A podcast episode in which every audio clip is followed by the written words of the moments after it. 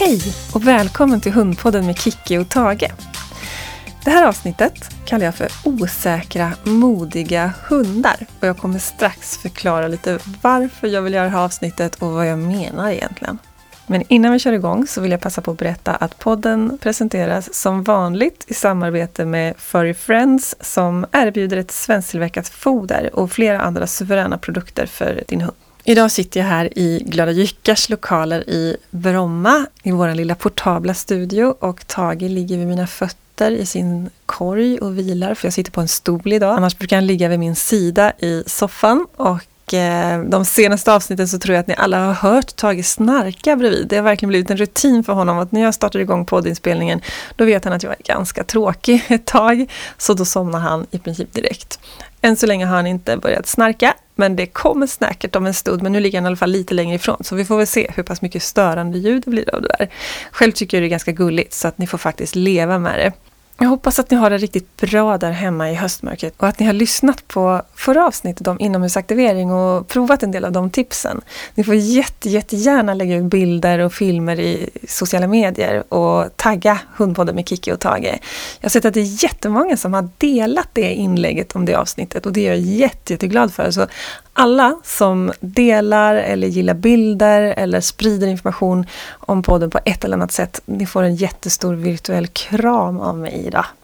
Så tack så jättemycket för det. Till dagens avsnitt, osäkra modiga hundar. Varför vill jag prata om det och vad, vad menar jag egentligen med det?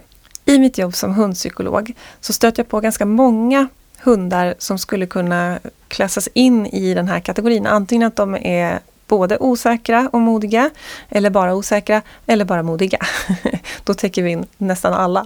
Eh, men framförallt så tänker jag på de här som faktiskt är både osäkra och modiga. Jag har precis kört en kurs som jag kallade för Osäkra modiga taxar. Och bakgrunden till den kursen det var att det var en taxägare som kontaktade mig och berättade att de var ett gäng taxägare där många hade lite samma typ av utmaningar i vardagen alla de här taxarna var antingen osäkra i nya miljöer eller med nya människor eller både och. Och flera av dem var också lite ljudkänsliga. Och eh, de reagerade på det här genom att hantera situationen med skall och att fara ut mot det som de tyckte var läskigt. Och det här är såklart jobbigt både för hundarna och för hundägarna och de bad om hjälp och frågade om jag kunde göra en kurs på det här temat. Och det vill jag självklart göra samtidigt som jag hade lite funderingar på hur det skulle gå att ha fem, sex eh, osäkra, skälliga taxar i rummet samtidigt. För vi vill ju inte att de ska stressa upp varandra. Men eh, med lite fix och tricks så lyckades vi få till det ganska bra. När jag funderade på vad jag skulle kalla den här kursen så blev det till slut att det föll på valet osäkra modiga taxar. För det är precis det som jag tycker att det handlar för de här hundarna. De är oftast lite osäkra på sin omgivning och kanske på sig själva. Och så tar de ändå mod till sig och gör någonting åt saken. Och det de gör kan vara antingen att de går undan och söker trygghet och stöd hos sin ägare. Eller att de skäller och säger åt det här läskiga att försvinna. Och det kan finnas massa andra strategier för att hantera det här också. Då. Och eftersom jag precis har kört den här kursen om osäkra modiga taxar så kanske det kommer en del exempel om just taxar. Men den här typen av hundar, eller vad man ska säga, tycker jag finns bland alla typer av hundar. Så det är absolut inte så att det bara gäller taxar, utan det gäller alla. Och det är heller inte så att alla taxar är så här, utan det finns jättemånga taxar som inte är osäkra. Och kanske inte så modiga heller. Jo, alla hundar är modiga på sitt sätt, skulle jag väl säga. Så modiga kan vi nog sätta som etikett på alla hundar. Och apropå det här med etiketter. Egentligen så tycker inte jag att man ska sätta etiketter på varken människor eller hundar eller några levande varelser. Jag bör alltså inte säga att min hund är osäker eller modig eller rädd eller vad jag nu vill eh, det för. Och varför tycker jag inte att man ska göra det då? Jo, men för att när vi sätter en etikett på någon så dels så lägger vi oftast in en massa andra tolkningar då utöver det som faktiskt sker i situationen.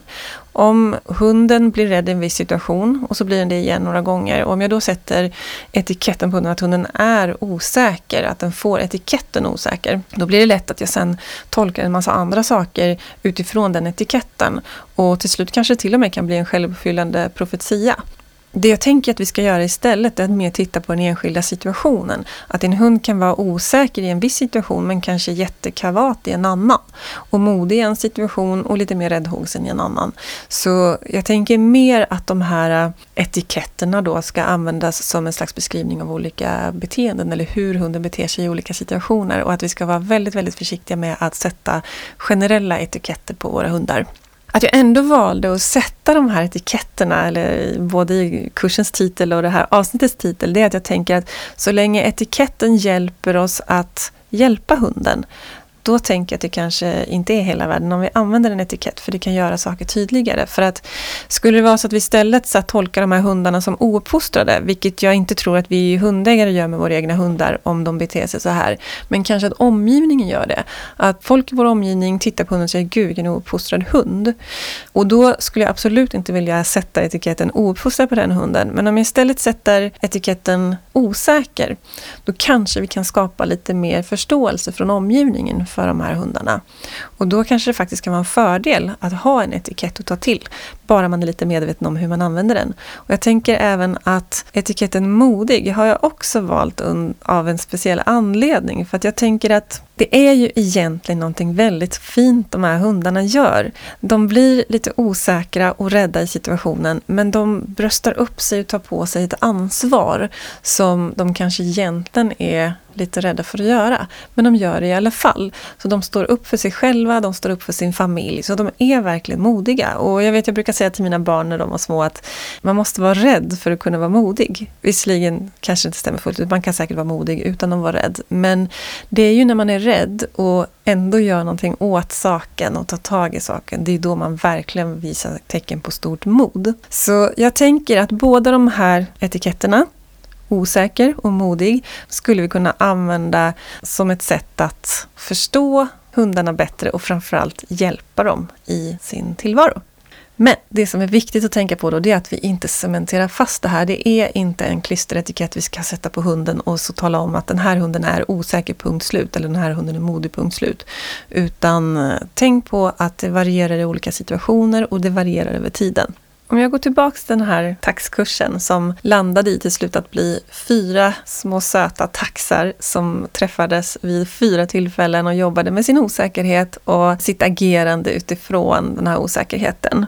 Från början var det faktiskt fem taxar med, men en eh, var vi tvungna att hitta en annan lösning på för där blev själva situationen lite för utmanande. Det var för jobbigt att vara i den här nya lokalen med, med så många människor och så många hundar så att där valde vi att hitta en annan lösning. Men men eh, fyra av taxarna har fullföljt kursen och eh, har gått från klarhet till klarhet. I alla sammanhang så får man bäst resultat om man jobbar så mycket förebyggande som möjligt.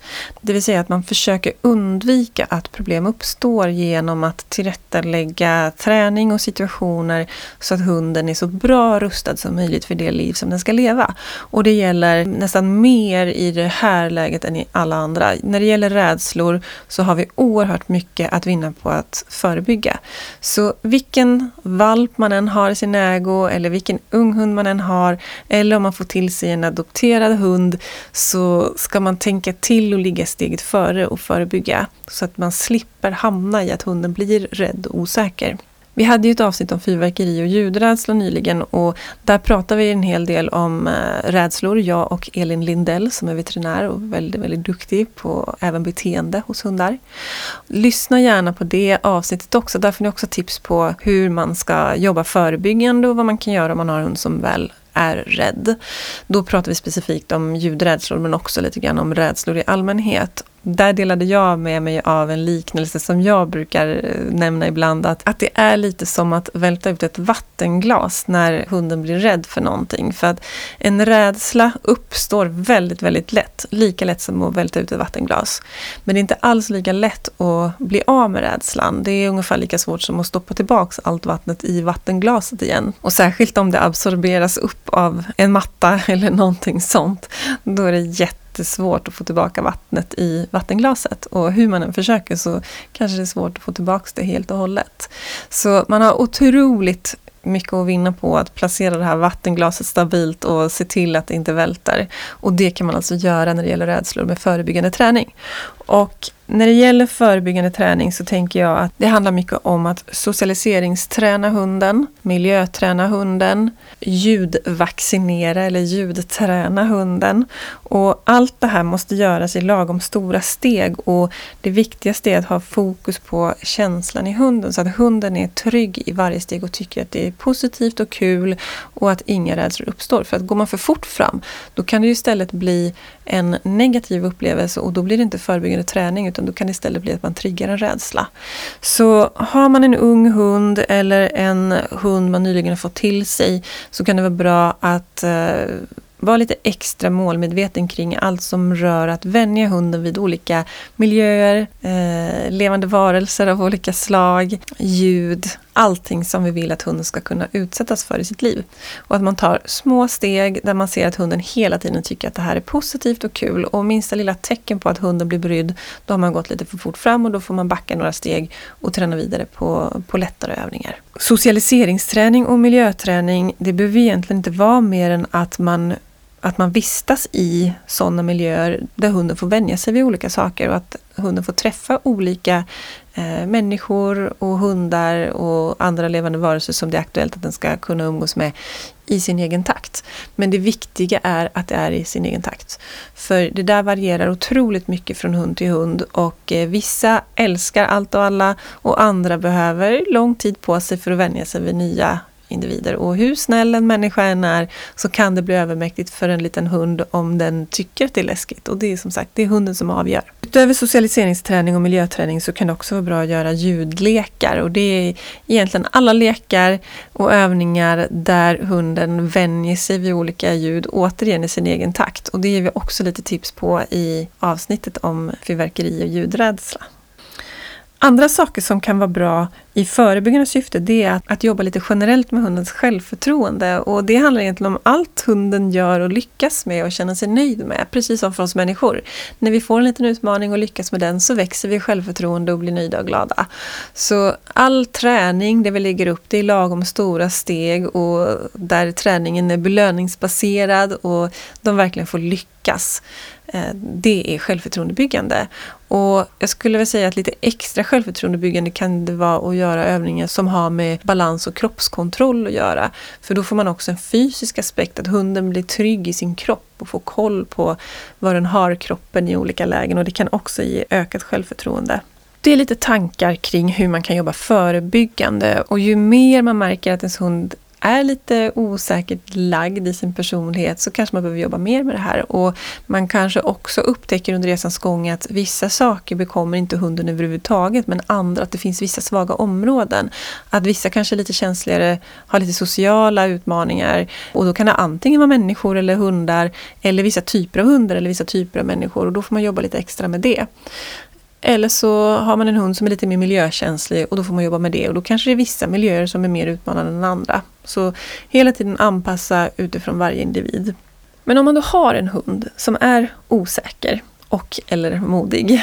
och som sagt, jag tycker egentligen att alla hundar är modiga på sitt sätt. Så om vi pratar om de här lite osäkra hundarna och då menar jag hundar som visar osäkerhet i många olika situationer eller mycket osäkerhet i en viss typ av situation. Och vad kan man då göra? Jo, men det absolut viktigaste det är att skapa en trygg zon som kan bli basen för hundens liv.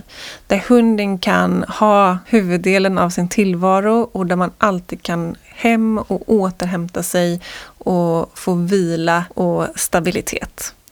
Utan den trygga zonen så är det väldigt lätt att fastna i en negativ stressspiral. För att varje gång som hunden blir stressad så kan det rent hormonellt sitta i flera dagar. Och när hunden är påverkad av stresshormoner då blir de mer lättstressade och så är cirkeln igång.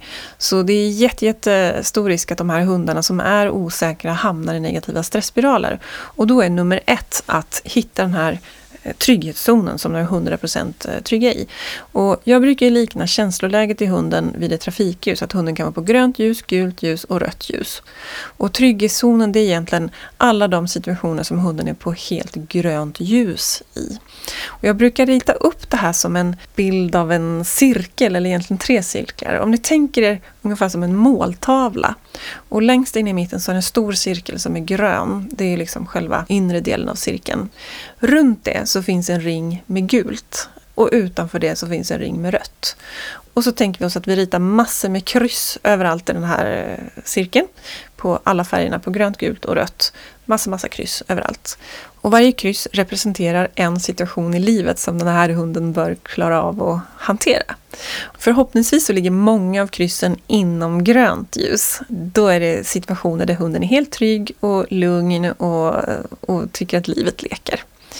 Sen är det troligtvis också en del kryss som ligger på gult ljus, där hunden tycker att det här är lite jobbigt. Den håller kanske ihop fortfarande och beter sig på ett sätt som gör att vi tycker att det här är hanterbart. Men det är fortfarande en situation som påverkar hunden negativt och som ger stress i hunden och som späder på den här stressspiralen. Och sen utanför det så har vi en cirkel med rött, eller en ring med rött och situationer som ligger inom där, alla kryss inom den röda ringen.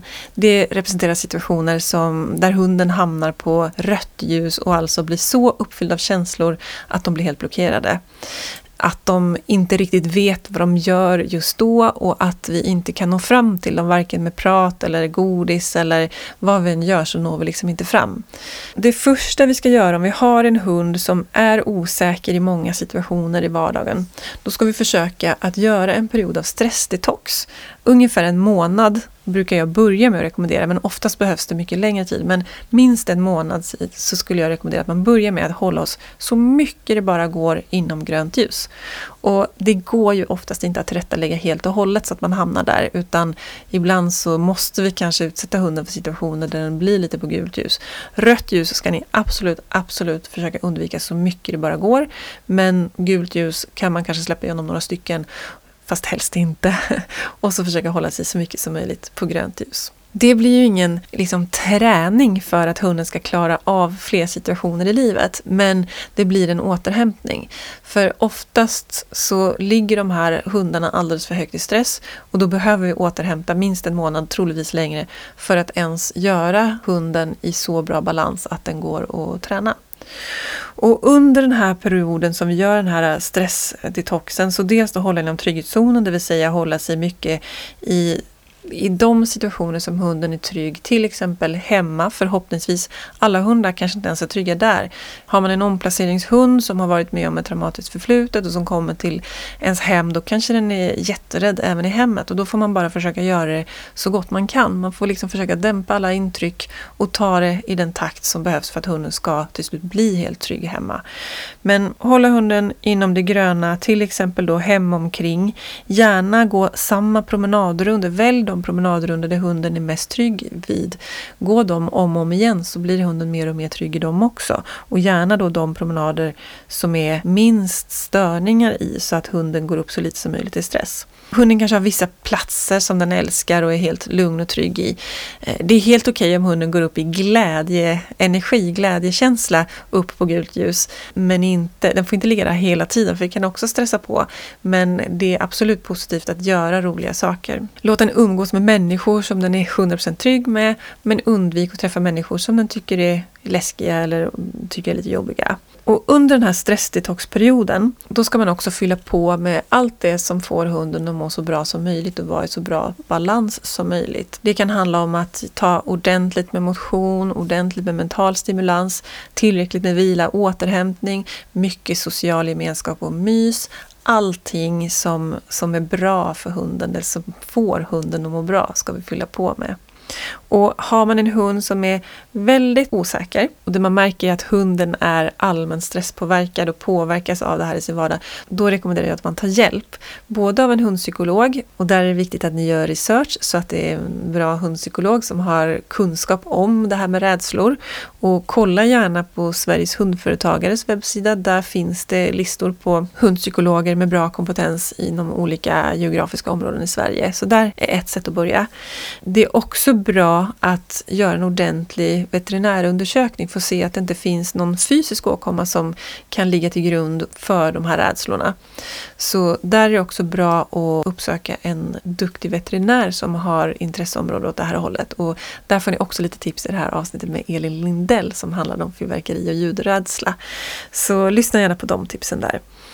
Eh, men om ni har lite lagom, lagom mycket osäkerhet i hundens liv, då kan ni börja kanske prova på egen hand och göra den här stressdetoxen. När det gäller den här trygghetszonen så har ni säkert vissa situationer där känner man här är hunden helt lugn och trygg. Men sen kanske det finns andra situationer som ni tycker att men här är hunden inte riktigt bekväm, men det vore bra om hunden kan vara med där i alla fall. Det kan ju vara så att ni behöver eh, gå hem till någon eller få besök ibland eller, eller behöver vistas i vissa miljöer. Ni kanske måste åka åka tunnelbana eller bil eller vad det nu kan handla om.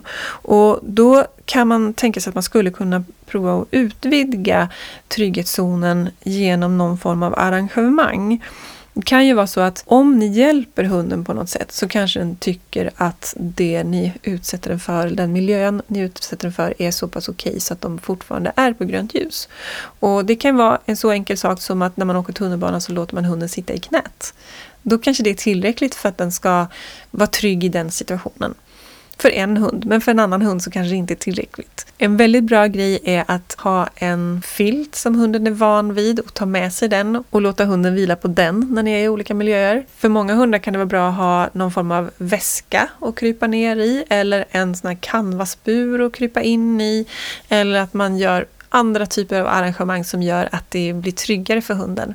En av de här taxarna på taxkursen hon var van ända sedan hon var valp vid att hos att alltid hade med sig en väska. Och den här väskan var hennes stora trygghet i livet när de var ute över Matte och Husse. Och Matte och Husse var också stora tryggheten i livet. Men väskan gjorde att hon kände sig helt trygg med att till exempel komma hit på kurs. Så fort de ställde ner väskan på golvet eller i soffan så hoppade hon in och la sig den. Och i och med att hon hade det som en utvidgning av sin gröna zon så kunde hon tryggt vara där och när hon kände sig redo kunde hon sen våga sig ut och utforska närområdet och vara med på övningarna. Hade hon inte haft sin väska, då hade hon troligtvis inte kunnat vara med på kursen. Kanske om hon hade fått sitta i husses eller Mattes knä, men det här gör verkligen att hon är ännu mer trygg för att hon är så van vid att i den här väskan kan ingenting ont hända. Och det där är en så bra grej att man kan ta med sig den, man kan helt enkelt flytta med hundens trygga zon ut i stora vida världen och göra att hunden känner sig fortsatt trygg. Det är klart, har man en större hund då kanske det är svårt med en väska, men då får man fundera på liknande arrangemang. Det finns ju en övning som vi kallar för trygga famnen, som kan funka som en, en trygg famn för hunden. Och alla de här sakerna som vi vill använda i lite utmanande miljöer, de måste vi lära in och vänja hunden vid i sin gröna zon. Så jag måste börja vänja hunden vid väskan hemma där hunden är helt trygg. Och när den väl är det då kan jag ta ut den i situationer som kanske är lite utmanande och då utvidga trygghetszonen på det sättet. Så det första man ska tänka på det är alltså att hålla hunden inom sin trygghetszon under en period. Så att man hittar den här trygga basen och får stressdetox. Jag nämnde några tips på hur man kan utvidga trygghetszonen men det är ännu inte tal om någon träning utan tanken är egentligen bara att försöka liksom hitta olika knep för att hålla hunden på grönt ljus. Och det är super, super viktigt. Utan det så kan vi inte komma vidare med någon träning. Inledningsvis så pratade vi lite grann om de här begreppen osäker och modig och jag tänker att det kan vara värt att reflektera lite grann över vad som händer i de här hundarna. Det som vi ser på ytan på de hundarna jag tänker på, det är att de reagerar på saker i sin omgivning och de kan reagera på lite olika sätt. Antingen backar de undan och försöker komma därifrån eller så springer de mot och antingen bara vill fram och kolla eller börjar skälla direkt när de springer fram. Och många av de här som springer dit för att kolla av och nosa, när de väl är framme så skäller de. Det händer att de här hundarna viftar ivrigt på svansen, så de blir ofta misstolkade, särskilt de här som går fram till främmande människor eller vad det nu handlar om. För de kanske springer fram dit och viftar på svansen och sen när de väl är där så börjar de skälla hysteriskt. Det kan också vara så att de springer mot och skäller och viftar på svansen samtidigt. Svansviftningen betyder inte nödvändigtvis att hunden är glad. Det kan också vara ett mått på hundens upphetsning eller exalteringsnivå. Och man brukar se skillnad. En glad hund har ett ganska mjukt rörelsemönster. Den viftar med svansen i mjuka svängar och man ser också på hela kroppsspråket att hunden är mjuk i kroppen. Medan en hund som är mer exalterad av en annan anledning, då är de mycket mer spända i kroppen och även svansen brukar vara lite mer som en stålfjäder och vifta i lite hårdare, kortare tag snarare än de här långa mjuka viftningarna. Jag vet det är många som hör av sig till mig och som tycker att hunden beter sig så konstigt för att den springer dit. Varför går den inte bara därifrån? Och Det kan ju bero på flera olika anledningar. Dels kan det handla om att de får lite kontrollbehov, vilket man ofta får om man är osäker. Är man osäker så vill man dit och kolla av, vad är det här som händer? Vad är det för individ som jag har att göra med? Och så springer de dit för att nosa. Men de vill egentligen inte att den här människan eller hunden ska interagera med dem. Så om vi säger att det är en människa som de springer fram till för att nosa på, för att kolla, är den snäll, är den farlig, hur luktar den, vad behöver jag tänka på här? Om då den personen riktar uppmärksamhet mot hunden, sträcker sig ner eller pratar gulligt med den eller ibland bara tittar på den, då kan det vara tillräckligt för att den här hunden ska bli så stressad att den börjar skälla och göra utfall. Så den kanske kommer dit först med relativt neutrala känslor går dit för att kolla av, kanske lite osäker, lite skeptisk. Men sen om då den där personen börjar rikta uppmärksamhet mot dem, då genast så blir de negativt inställda och ännu mer stressade så de far upp i trafikljuset. Och då är det många som, som börjar skälla. Ett annat scenario eller en annan orsak till att hundar springer dit skulle kunna vara att de redan från början tar det säkra för osäkra och springer dit och säger stick och brinn i princip.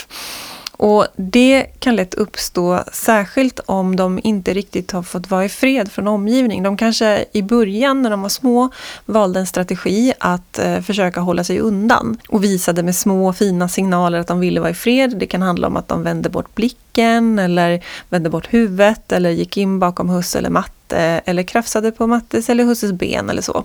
Om då inte omgivningen har respekterat det här, vilket faktiskt inte är helt ovanligt, tänk er en söt liten tax. Det är inte många som kan motstå det, utan det händer att folk dyker ner. Och det var fler i den här taxgruppen som berättade att, att eh, folk i omgivningen helt plötsligt bakifrån böjt sig ner och lyft upp hunden utan att fråga.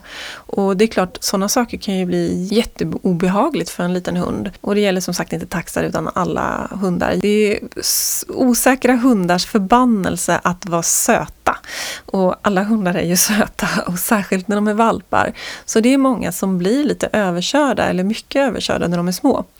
Och då om de inte blir lyssnade på när de visar små fina signaler, då kanske de till slut lär sig att ska jag få vara i fred, då måste jag skrika högt. Så så fort någon närmar sig så skäller dem och studsar fram mot dem för att säga stick, jag vill vara i fred. För de har lärt sig att det hjälpte inte att gå undan när man vill vara i fred, utan man måste gå dit och säga stick och brinn. Så det kan vara ytterligare en anledning. Sen kommer jag att tänka på en tredje anledning som också kan vara ibland och det är att hundarna faktiskt är lite ambivalenta. De kanske både är nyfikna men också lite osäkra. De kanske vet att vissa människor är snälla, andra är lite läskiga och så går de dit och är både nyfikna och skulle vilja leka men vågar inte riktigt. Och då kan man få lite ambivalenta signaler från hunden.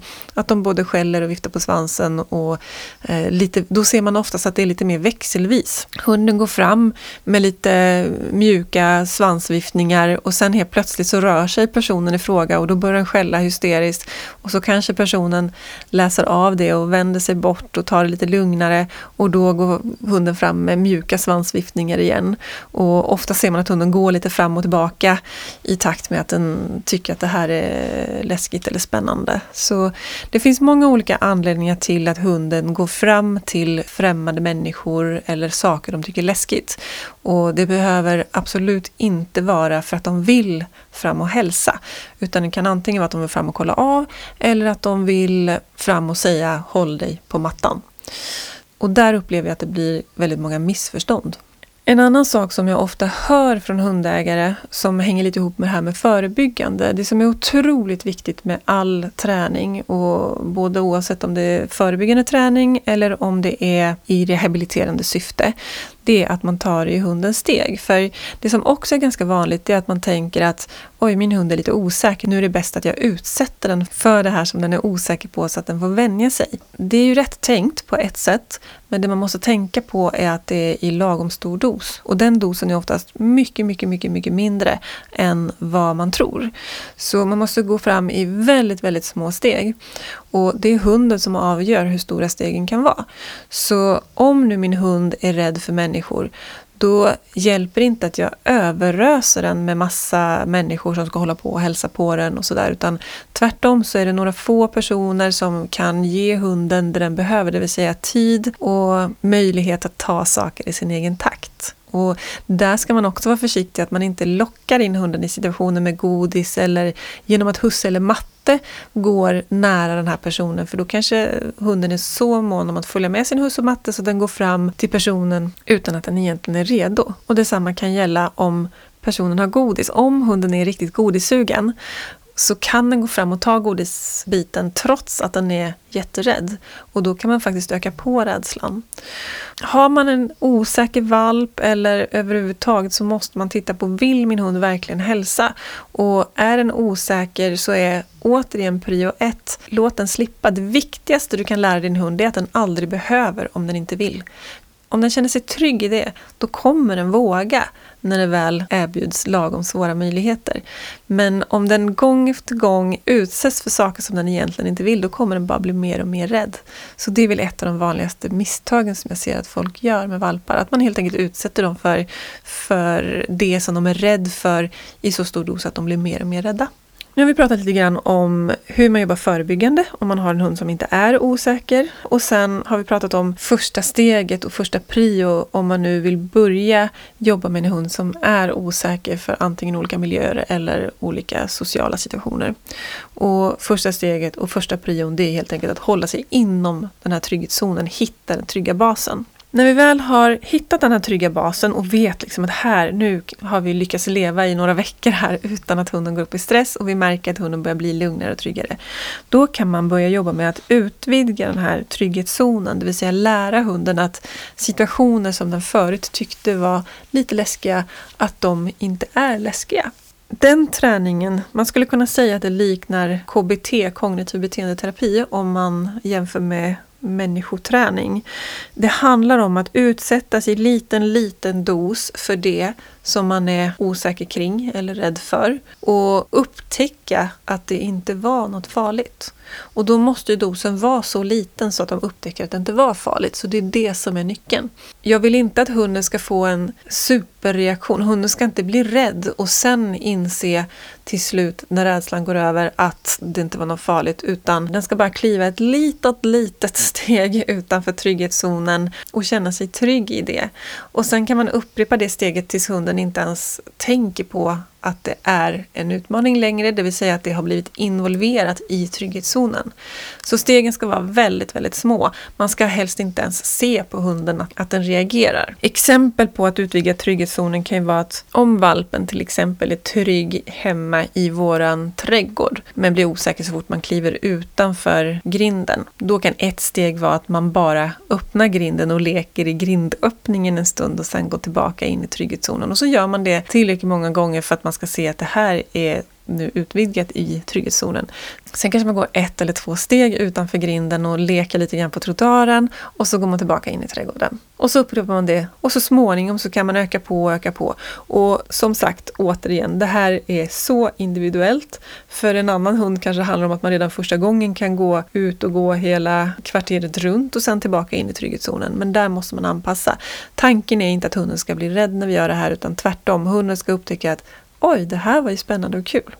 Och det finns olika knep man kan använda för att hjälpa hunden att komma över sina rädslor och där tänker jag bland annat på det som kallas för motbetingning. Och motbetingning har vi ett helt avsnitt om i Hundpodden med Kiki och Fanny. Och med korta ordalag så går motbetingning ut på att vi hjälper hunden att få en positiv känsla till någonting som den kanske har en negativ känsla genom att erbjuda någonting positivt, till exempel godis. Och säg att hunden då tycker det är lite läskigt att kliva utanför grinden. Då kan vi kliva utanför, göra ett godissök och gå tillbaka in. Och sen kliva utanför, göra ett godissök och kliva tillbaka in.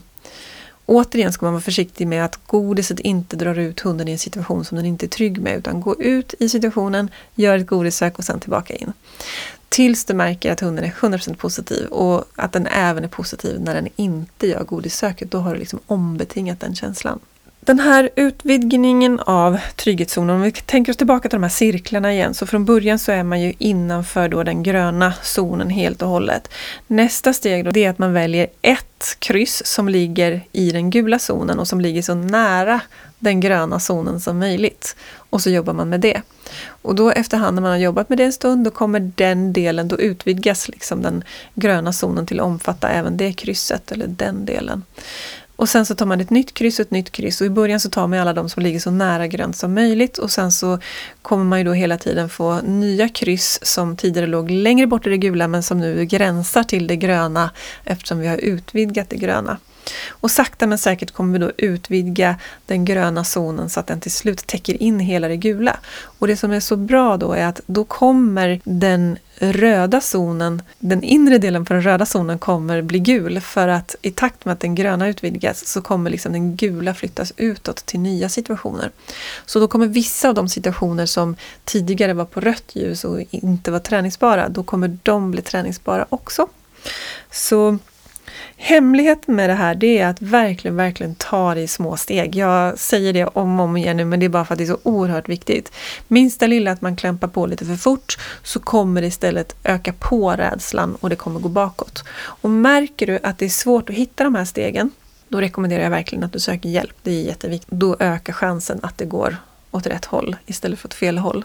Det vi gör är helt enkelt att ta ett osäkerhetsområde i taget och träna på det och det kan ju finnas olika kategorier som din hund är osäker inom. Det kan vara inom socialisering, det kan vara inom miljöer, det kan vara olika ljud. Min rekommendation där är att välj de liksom lättaste först, de som du tror att det här kommer vi nog kunna komma till rätta med. För att då lär sig både hunden och någonting också av själva träningen. Du lär dig att läsa hunden och se hur snabbt ni kan gå fram. Och hunden lär sig också att aha, men det är inte så farligt att gå utanför trygghetszonen för att jag kommer, det kommer bli bra. och då kommer den ha med sig de erfarenheterna när den sen tar tag i de lite större rädslorna. Men även sen när ni tar tag i lite större rädslor så ska ni jobba med det i små, små, små steg. Så man måste bryta ner det. Det är så man gör i KBT också, att man bryter ner det. Man gör en skala. Okej, om vi pratar om ljudrädslor, då kan man gradera alla ljud som man är rädd för på en skala från 0 till 100. Och så ska man ju börja med de som ligger nere på 1, 2, 3, inte med de som ligger på 90 och 100. Eh, och sen sakta men säkert eh, jobba med ljudrädslan så att till slut de som ligger på 90-100 de sänks ner så att de ligger på en lägre nivå när vi väl börjar jobba med dem. Och parallellt med den här träningen så måste man hela tiden hem och vila i trygghetszonen. Det är lätt att bli lite överambitiös och träna på hela tiden och det är bra att vara målmedveten och träna regelbundet men man måste också pausa, återhämta, vila i kapp. Så hela tiden tillbaka till trygghetszonen och lite den här stressdetoxen. När man väl har gått igenom den första stressdetoxen kanske man kan tänka sig att man gör en stressdetox ett par dagar i veckan. Så ett par dagar i veckan så är man hemma och går i bara invanda promenader och håller regelbundna rutiner och försöker göra allt det som får hunden i så bra balans som möjligt och med mycket vila och återhämtning. När jag träffar mattar och hussar till osäkra, modiga hundar så får jag väldigt ofta frågan tidigt i processen eller redan innan de bokar in sig hos mig om det går att göra någonting åt de här rädslorna. Om det går att få hunden mindre osäker och mindre rädd. Om vi kan lösa problemet. Och där är mitt svar att ja, men i de allra flesta fall så går det att få dem mindre rädda och mindre osäkra. Man kan få dem mer trygga och stabila och klara av fler situationer än vad de klarar idag. Men det är inte alltid det går att lösa problemet fullt ut med träning utan det kan också handla till stor del om att vi måste tillrättalägga tillvaron lite grann för hundarnas skull. Och då kommer de bli tryggare.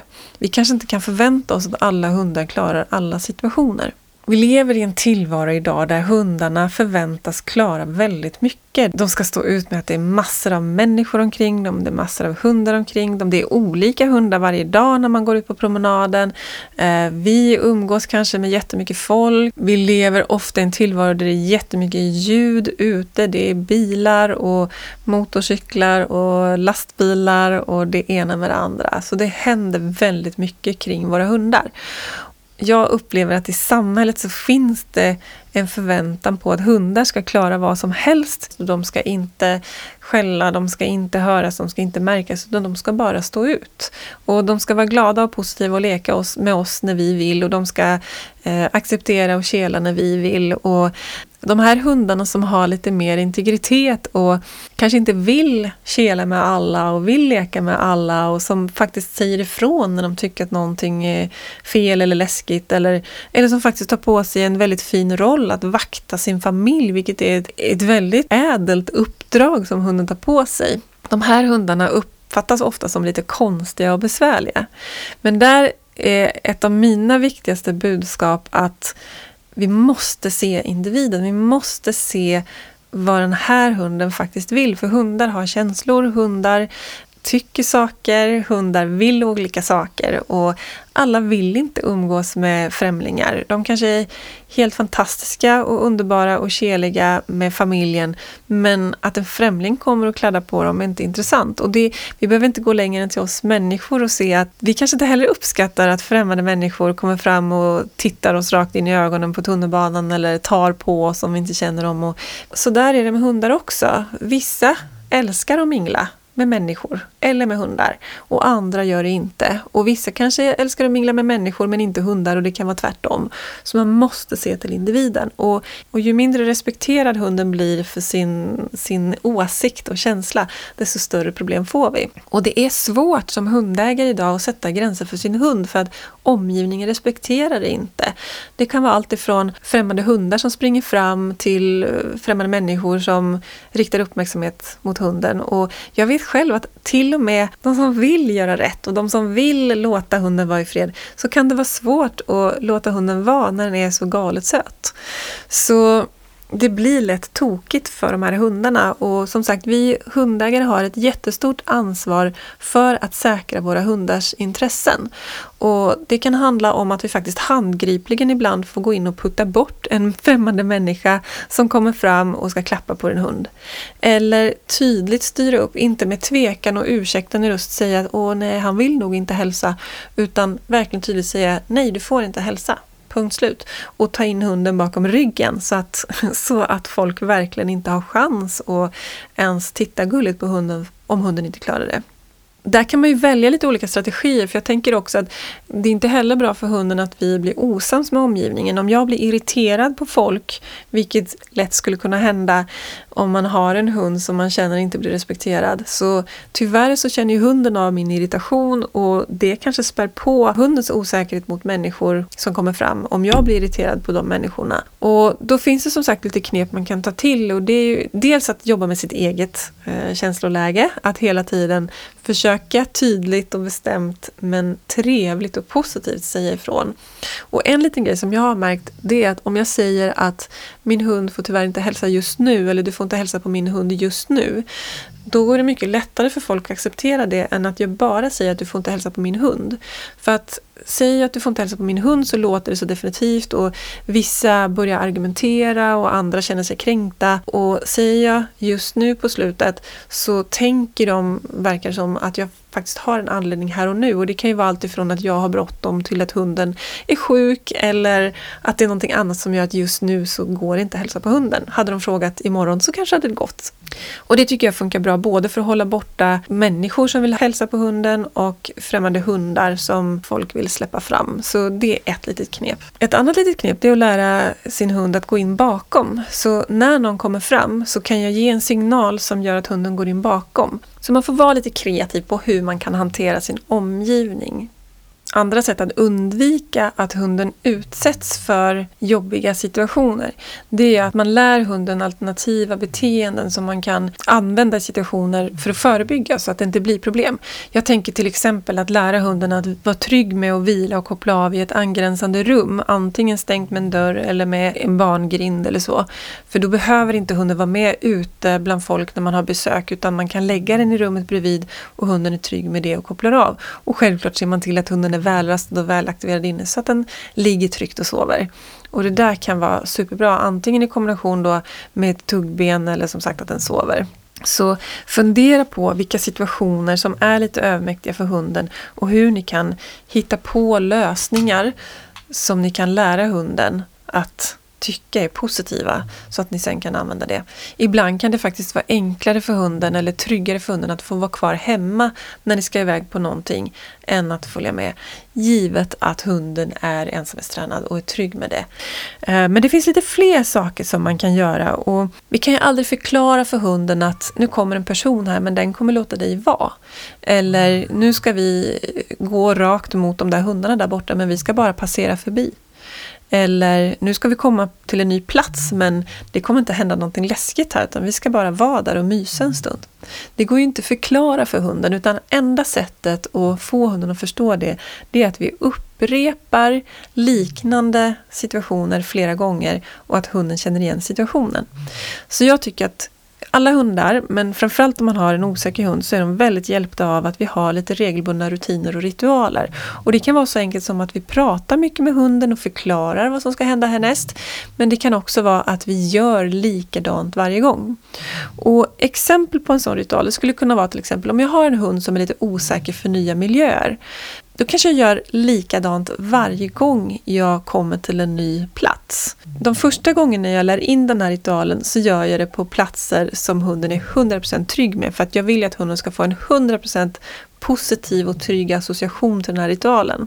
Och exempel på ritualer skulle kunna vara att, säga att det är en plats vi åker bil till. Då kan jag göra så att innan jag låter hunden hoppa ur bilen så kanske jag kelar lite med den i bilen innan vi hoppar ut eller låter den äta lite godis, söka lite godis i bilburen eller att jag gör någonting som gör likadant varje gång, till exempel ett godissök i buren.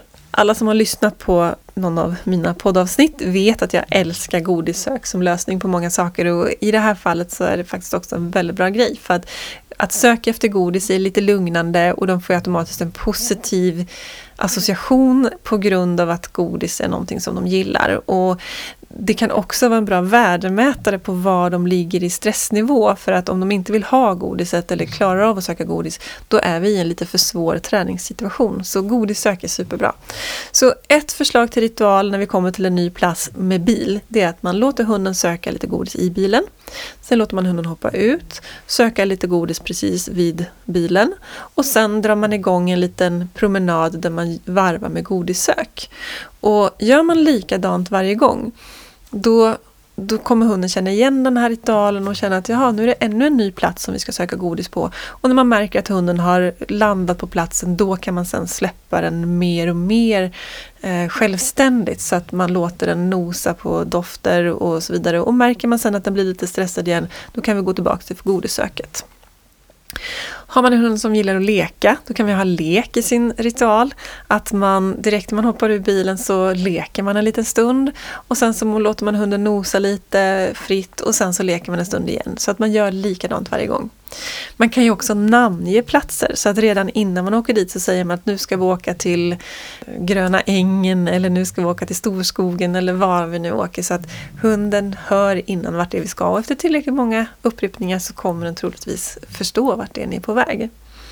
Har man inte bil så, och kommer till nya platser så kan man självklart anpassa ritualen utifrån det. Så fundera på om du kan tänka ut någon liten ritual som du och din hund kan använda varje gång ni kommer till en ny plats. För att hunden ska kunna känna sig trygg i situationen och förstå att det bara är business as usual. Trots att ni är på en ny plats så är det det gamla vanliga som ska hända. Nu har Tage kommit igång och börjat snarka för fullt här så vi får se hur mycket det hörs sen i inspelningen.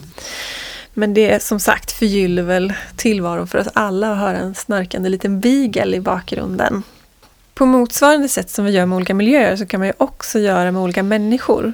Om jag har en hund som är rädd för människor men jag vill vänja den vid att lära känna nya människor då kan jag träna in en tydlig hälsningsritual som jag tränar in i början på personer som hunden känner väl och så småningom med personer som inte är så läskiga men som de kanske inte känner lika väl och sen sakta men säkert och till slut så kan jag använda den på en person som hunden inte känner. Det som är viktigt är att prio ett är att hunden inte behöver hälsa. Hunden måste alltid känna sig trygg med att den inte måste interagera med människor i omgivningen om den inte vill. Så det här gör man bara i situationer där man känner sig säker på att min hund faktiskt vill fram och nosa på eller interagera med den andra personen. Och dessutom så ska man tänka på att den här hälsningsritualssignalen, om jag säger till exempel varsågod och hälsa, då är det ett erbjudande om att hälsa. Det är aldrig en uppmaning. Hunden behöver inte hälsa om den inte vill. Och ett exempel på hälsningsritual skulle kunna vara att jag säger varsågod och hälsa och om hunden vill så får den gå fram och nosa på personens hand och sen lockar jag tillbaka hunden och så stannar den hos mig.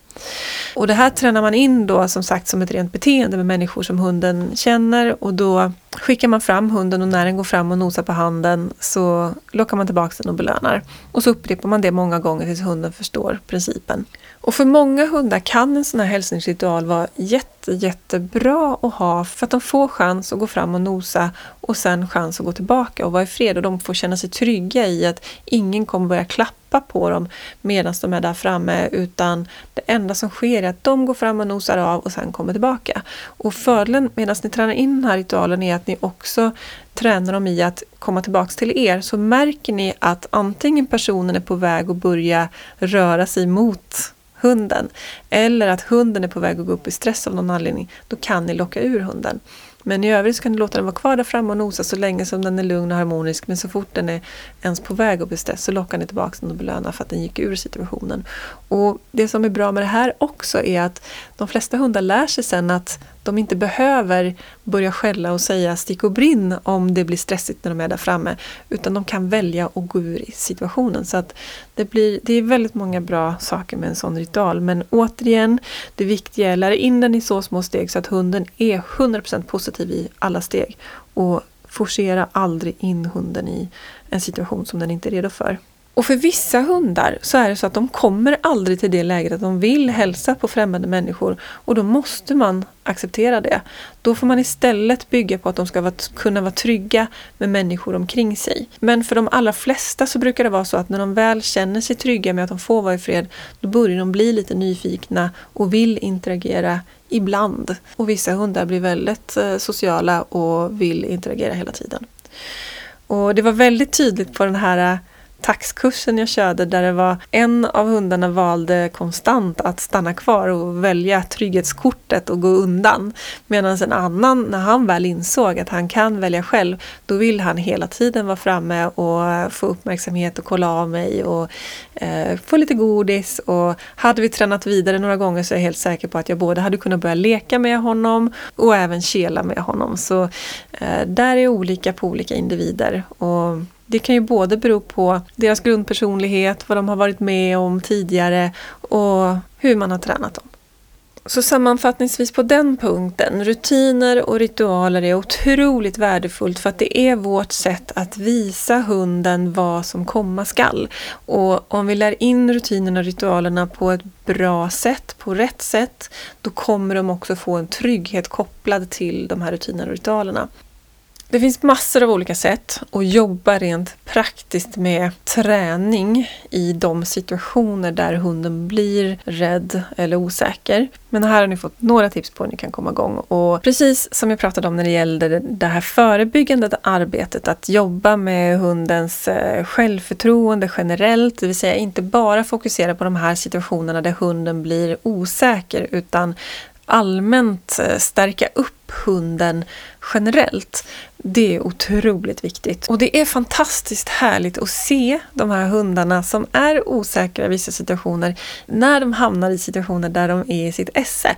På den här taxkursen så gjorde vi, vi varvade de här eh, socialiseringsträningsövningarna och miljöträningsövningarna med rena aktiveringsövningar där de fick eh, leta godis under plastburkar och Eh, det var helt fantastiskt att se när de gick in i en sån uppgift och började fokusera på någonting annat. Då såg man inte tillstymmelse till osäkerhet. Och det vi ofta gör om vi har någon form av utmaning eller problem med vår hund är att vi fokuserar lite för mycket på det som är rött. Vi fokusera på det som inte funkar. Och jag tror att det som vi fokuserar på, det riskerar vi alltid att få mer av. Det är så lätt att vi råkar förstärka det av misstag. Så det jag vill göra det är liksom vända på mindsetet, försöka att fokusera mer på det här gröna och fundera på hur kan ni få ännu mer av det så att det trycker bort det röda. Fundera på när din hund är som mest trygg och glad och se, det blir ju lite som tillbaka till den här trygghetszonen. Hitta den här trygghetszonen och se till att utvidga den. Få den att växa så att den till slut tar överhanden över det där som inte riktigt funkar. Innan vi rundar av så vill jag passa på att tipsa om att vår samarbetspartner Furry Friends har en pågående kampanj tillsammans med organisationen Hundar utan hem. Och den kampanjen går ut på att för varje följare som Furry Friends får så donerar de en måltid hundfoder till hundarna på Irland. Och jag och Tage tycker att det här är ett så fint initiativ för att det innebär ju att vi alla kan vara med och bidra och det kostar ingenting för oss. Och Hundar utan hem hjälper massor med utsatta hundar månatligen och om vi tillsammans hjälps åt nu och sprider den här kampanjen så kan vi se till att hjälpa ännu fler hundar i nöd. Och det känns ju jätte, jättebra. Så in och följ Furry Friends Family på Instagram så är ni med och bidrar. Jag hoppas att du som har lyssnat så här långt har fått massor av tips på hur du både kan jobba förebyggande om du har en valp eller unghund eller nyligen har fått till dig en omplaceringshund för att se till att den inte utvecklar rädslor eller blir osäker som individ. Men också för dig som har en hund som blir osäker i många situationer att du har fått lite tips på hur du ska hantera det och att du kanske fått en lite annan syn på de här jobbiga beteendena. Att hunden inte beter beter sig så som omgivningen förväntar oss att de ska. Antingen att de inte är så sociala utan går undan och inte vill umgås med främlingar. Eller att de blir det jag kallar för modiga som kanske många i omgivningen tycker är lite besvärligt. Att hunden skäller eh, och står i och far ut. Och där jag faktiskt tycker att hunden tar på sig en uppgift som går ut på att vakta sina käraste familjemedlemmar mot det här läskiga i omgivningen. Och också lite tips på hur du kan hantera det här. Fokus har ju legat på att bygga självförtroende och jobba med osäkerheten. Jag har ju också ett avsnitt som hamnar om eh, oönskat skällande i Hundpodden med Kiki och Fanny. Och där får du tips på om du vill jobba med själva de här med skälldelarna. Men det är ju inte skällandet i sig som är problemet i just den här typen av hundar som jag tänker på. Utan här vill vi ju verkligen jobba med att de blir tryggare med allt som dyker upp i deras omgivning och inte känner att de behöver skälla.